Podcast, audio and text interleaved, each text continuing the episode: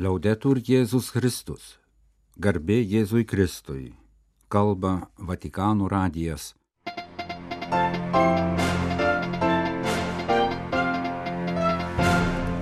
Malonūs klausytojai šioje penktadienio gegužės 26 programoje popiežius susitiko su Lotynų Amerikos miestų merais, paskirti vyskupai Romoje, Buenos Airese ir kitur. Apie Laudato Si savaitę. Italijos episkopato vadovas paragino liudyti solidarumą su ukrainiečiais pabėgėliais. Ekumeninis pareiškimas prieš sėkmines tegul šventoji dvasia mus veda į taiką. Apie papildomas audito taisyklės Vatikane. Kitas pasaulinis gailestingumo kongresas įvyks Vilniuje.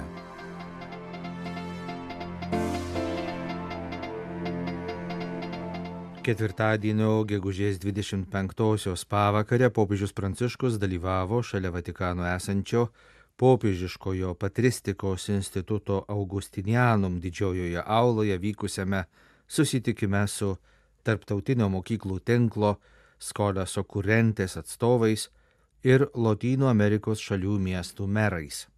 Ketvirtadienio susitikimu buvo užbaigtas tris dienas vykęs renginys ekologinis ugdymas miestuose, kuriame dalyvavo 50 merų iš Latino Amerikos šalių. Merai klausė paskaitų apie popiežiaus pranciškaus enciklikoje Laudato Si skelbiamą bažnyčios socialinį mokymą, ekologijos ir atsakomybės už kūrinėje klausimais. Kartu buvo paminėtos ir mokyklų tinklos Holeso Kurentės tapimo tarptautinė katalikiška organizacija dešimtosios metinės. Skolės okurentės tinklas gimė Argentinoje kaip atsakas į 2001 metų politinę, socialinę ir ekonominę krizę. Šio tinklo kūrėjas, tuometinis Buenos Airių arkivyskupas Jorge Mario Bergolio, siekė skatinti jaunimo ir paauglių pilietinį samoningumą kaip priešnuodį socialinės darnos ardymui ir populistiniai antipolitikai.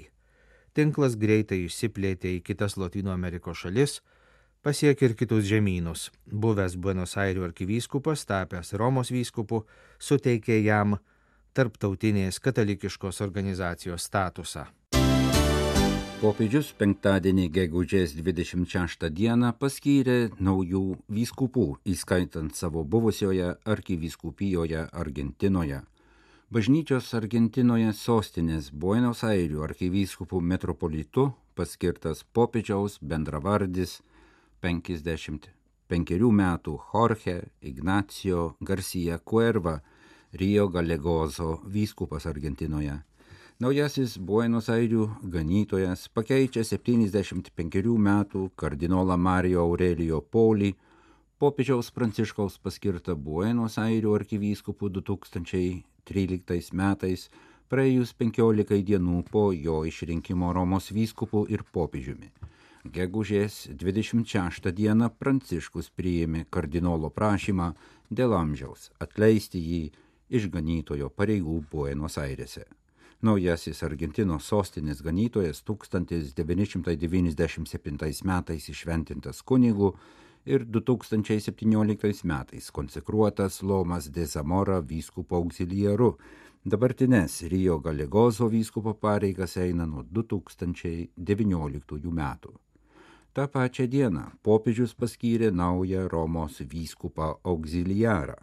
Juo tapo iš Milano kilęs 60 metų kunigas Mikėlė Ditolvė, per pastaruosius 30 mečius nuo kunigystės šventimų aktyviai tarnavęs Milano arkivyskupijoje. Be to, popiežius paskyrė du naujus vyskupus auxiliarus Portugalijos Porto vyskupijoje. Gegužės 21 dieną prasidėjusi Laudatosi savaitė, truksinti iki gegužės 28-osios, skatina ekologinį dvasingumą ir gyvenimo būdą. Aštuonios dienos yra skirtos švęsti popiežiaus pranciškaus enciklikos apie rūpinimąsi mūsų bendrais namais paskelbimo aštuntasias metinės. Iniciatyvų portale patalpintas specialus vadovas, kuriame patariama, kaip paprastais būdais ir kasdieniu elgesiu saugoti žemę. Raginama kurti gėlynus, nedidelės žaliasias erdves, organizuoti ar dalyvauti švarinimo veiklose, kurios rengiamos kvartaluose, paplūdimiuose, prie upių, ežerų ar parkuose. Kviečiama rinktis daugkartinius pirkinių maišelius, mažinti maisto švaistimą, kūrybiškai panaudojant likučius, naudoti natūrales valymo priemonės. Galiausiai, siekiant supažindinti žmonės su planetos problemomis, raginama parapijas prisidėti prie biologinės įvairovės gaivinimo. Pristatomi keturi renginiai pasauliniu mastu. Ketvirtadienį Romoje Švedijos klasikinių studijų institute vyko apskritojo stalo diskusija Viltis žemiai, viltis žmonijai, kurią organizavo tarnavimo integraliai žmogaus pažangai dikasterija, bendradarbiaudama su Švedijos ambasada prie Šventojo sosto. Diskusija atskleidžia vaisingo dialogo būtinybę tarp teologijos ir mokslo, žmogaus ir gamtos poreikių, tarp dvasinių ir aplinkai padarytų žaizdų. Dialogas turi būti suprantamas kaip esminė kuriamoji vilties ir bendradarbiavimo patirtis. Susitikime be kitų dalyvavo dikasterijos prefektas kardinolas Mikaelas Černy, Švedijos klasikinių studijų instituto Romoje direktorius Ulfas Hansonas. Iniciatyvos kontekste buvo pristatyta brošiūra Mūsų bendri namai - vadovas kaip rūpintis mūsų planeta kuri praėjusį sekmadienį buvo išplatinta Šventojo Petro aikštėje po vidudienio maldos. Kviečiu visus bendradarbiauti rūpinantis mūsų bendrais namais. Reikia suvienyti įgūdžius ir kūrybiškumą, po maldos sakė popiežius prisimindamas laudatos į savaitę. Gegužės 25-ąją Šventojo Sosto spaudos biure surinkta spaudos konferencija skirta maldos už rūpinimąsi kūrinyje pasaulinės dienos žiniai skleisti.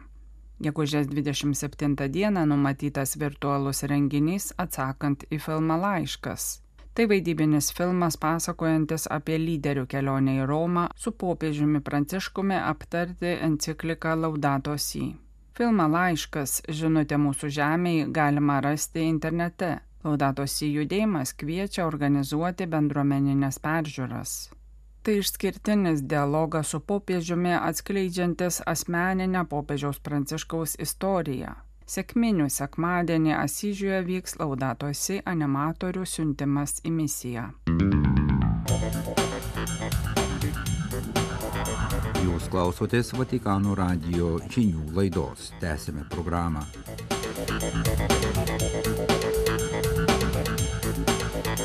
Karas yra pandemija, jis apėmė mus visus, sakė kardinolas Mateo Dzupį, uždarydamas Vatikane šiomis dienomis vykusią Italijos vyskupų konferencijos sesiją. Italijos vyskupai nemažai dėmesio skyrė taikos kūrimo pareigai, ypač Rusijos invazijos į Ukrainą akivaizdoje. Per posėdį taip pat buvo perskaitytas Ukrainos graikų apieigų katalikų vadovo arkivyskupo Svietoslavo Ševčiuko laiškas Arkivyskupas buvo pakviestas dalyvauti italų vyskupų susitikime, tačiau negalėjo atvykti.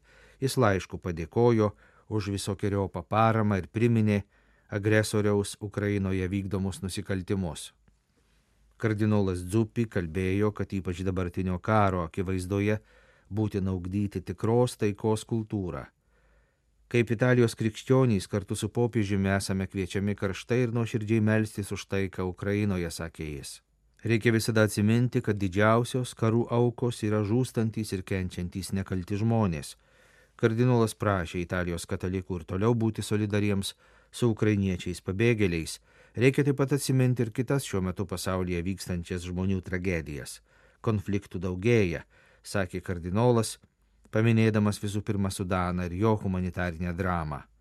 Kardinolas ragino su atjauta domėtis, kas dedasi konfliktų kamuojamuose šalyse, padėti kenčiantiems žmonėms ir už juos melstis. ES vyskupų konferencijų komisijos ir ekumeninės bažnyčių tarybos vadovai, arkivyskupas Marijano Kručata ir pastorius Kristianas Krygeris paskelbė bendrą pareiškimą artėjančios sėkminių iškilmės progą. Nuo pat sėkminių dienos šventoji dvasia gaivina ir veda bažnyčią, palaiko ir įkvepia krikščionys tiek asmeniškai, tiek kaip bendruomenė. Kai pirmųjų krikščionių bendruomenė stengiasi rasti atsakymus į iškilusias problemas, taip ir šiandien krikščionys kovoja su smurto, neligybės ir susiskaldimo iššūkiais dabartinėme sužeistame pasaulyje. Rašoma bendrame pareiškime ir nurodoma, kad viena didžiausių šio metų problemų yra Ukrainoje vykstantis žiaurus karas ir jo sukelta humanitarinė krizė. Daugybėje kitų šalių taip pat matome rimtus socialinius sunkumus, politinį nestabilumą, ekonominę neligybę, didėjančią visuomenės polarizaciją ir susiskaldimą. Rengdamiesi švesti sėkmines būkime atviri priimti šventąją dvasę, kurios gale gali išgydyti ir sutaikinti žmoniją bei perkeisti visuomenę. Melsdamiesi už teisingumą ir taiką, Nuolankiai ir su viltimi pasitikėkime Dievo dvasia, kuri visus perkeičia ir sutaikina. Visi tegul eina teisingumo, tiesos, susitaikymo ir taikos keliu, tegul sėkminių žinia, skatinanti siekti vienybės įvairovėje įkvepia tuos, kuriems tenka politinė atsakomybė Europoje, kad jų sprendimai būtų priimami vadovaujantis išmintimi, sąžiningumu ir atjauta, tarnaujant bendram visų labui.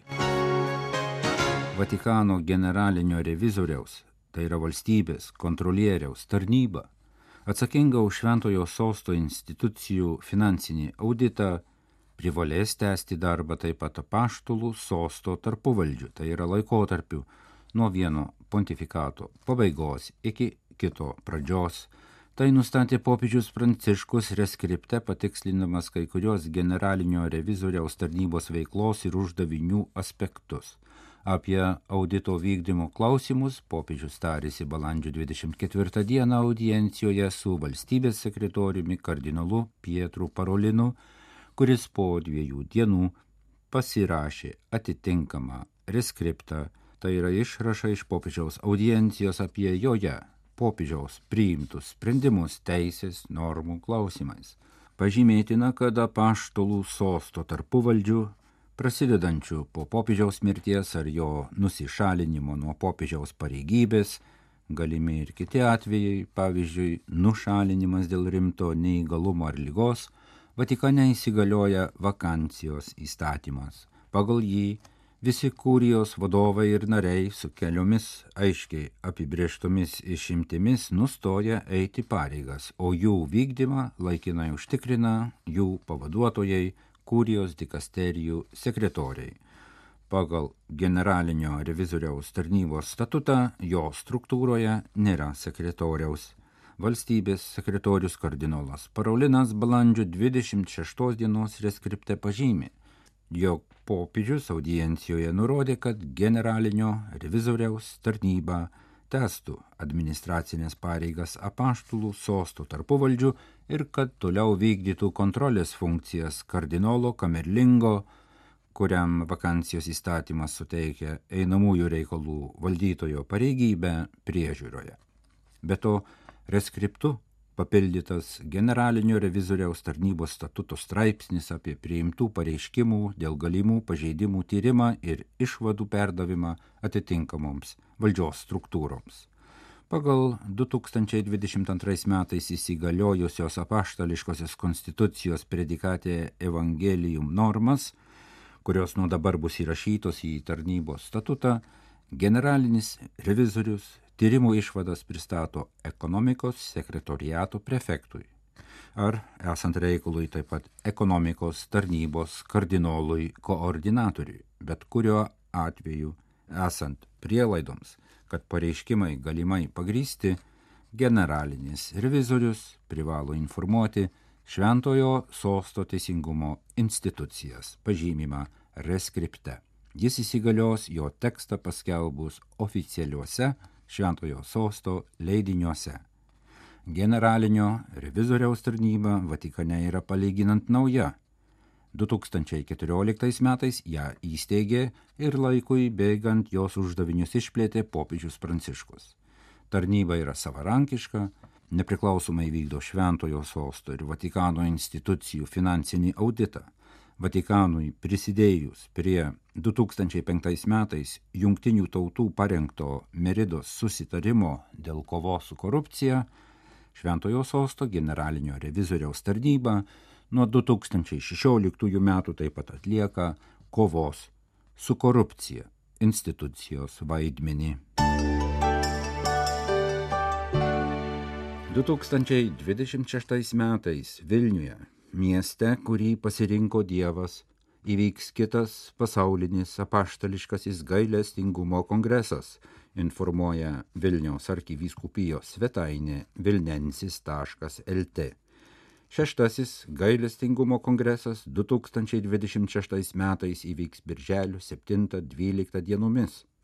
Susitikime kongrese Vilniuje, mieste, kurį pasirinko Dievas, kad per šventąją Faustiną ir palaimintojį Mykolą Sopočką primintų pasauliui apie savo gailestingumą, pažymėjo Vilniaus arkivyskupas Gintaras Gružas, kviesdamas į tarptautinį renginį. Svetainėje paskelbtų daugiau įvairių žinių apie būsimą renginį, pasaulinių apaštališkųjų kongresų rengimo idėją ir Vilnių Dievo gailestingumo sostinę.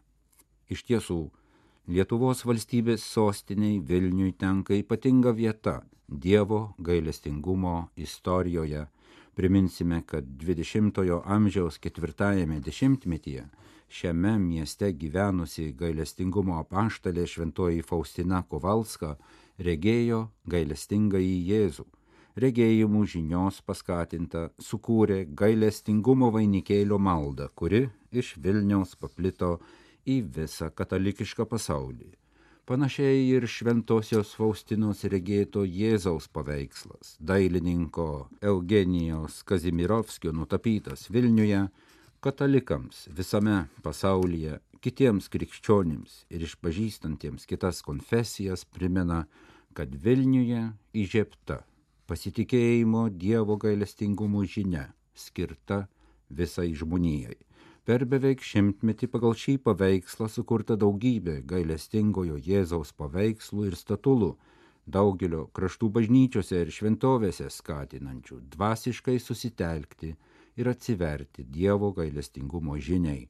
Garsusis paveikslas 1934 metais dailininko Eugenijaus Kazimirovskio nutapytas Vilniuje dalyvaujant šventajai Faustinai ir kitam gailestingumo paštalui šventosios Faustinos dvasios tėvui Vilniuje, palaimintajam Mykolui Sopočko, saugojamas Dievo gailestingumo šventovėje, buvusioje XV amžiaus švenčiausiosios trybės bažnyčioje Domininkonų gatvėje Vilniaus senamiestyje. Būtent ši labai nedidelė, tačiau garsi šventovė kartu su Vilniaus aušros vartų gailestingumo motinos švenčiausiosios mergelės Marijos atvaizdu 2026 m. vasarą taps viso katalikiško pasaulio, ypač dabartinių Dievo gailestingumo žinios apaštalų dėmesio centre. Pirmasis pasaulinis gailestingumo kongresas 2008 metais įvyko Romoje. Sekė kiti Krokovoje 2011 metais, Bogotoje 2014 metais ir Maniloje 2017 metais.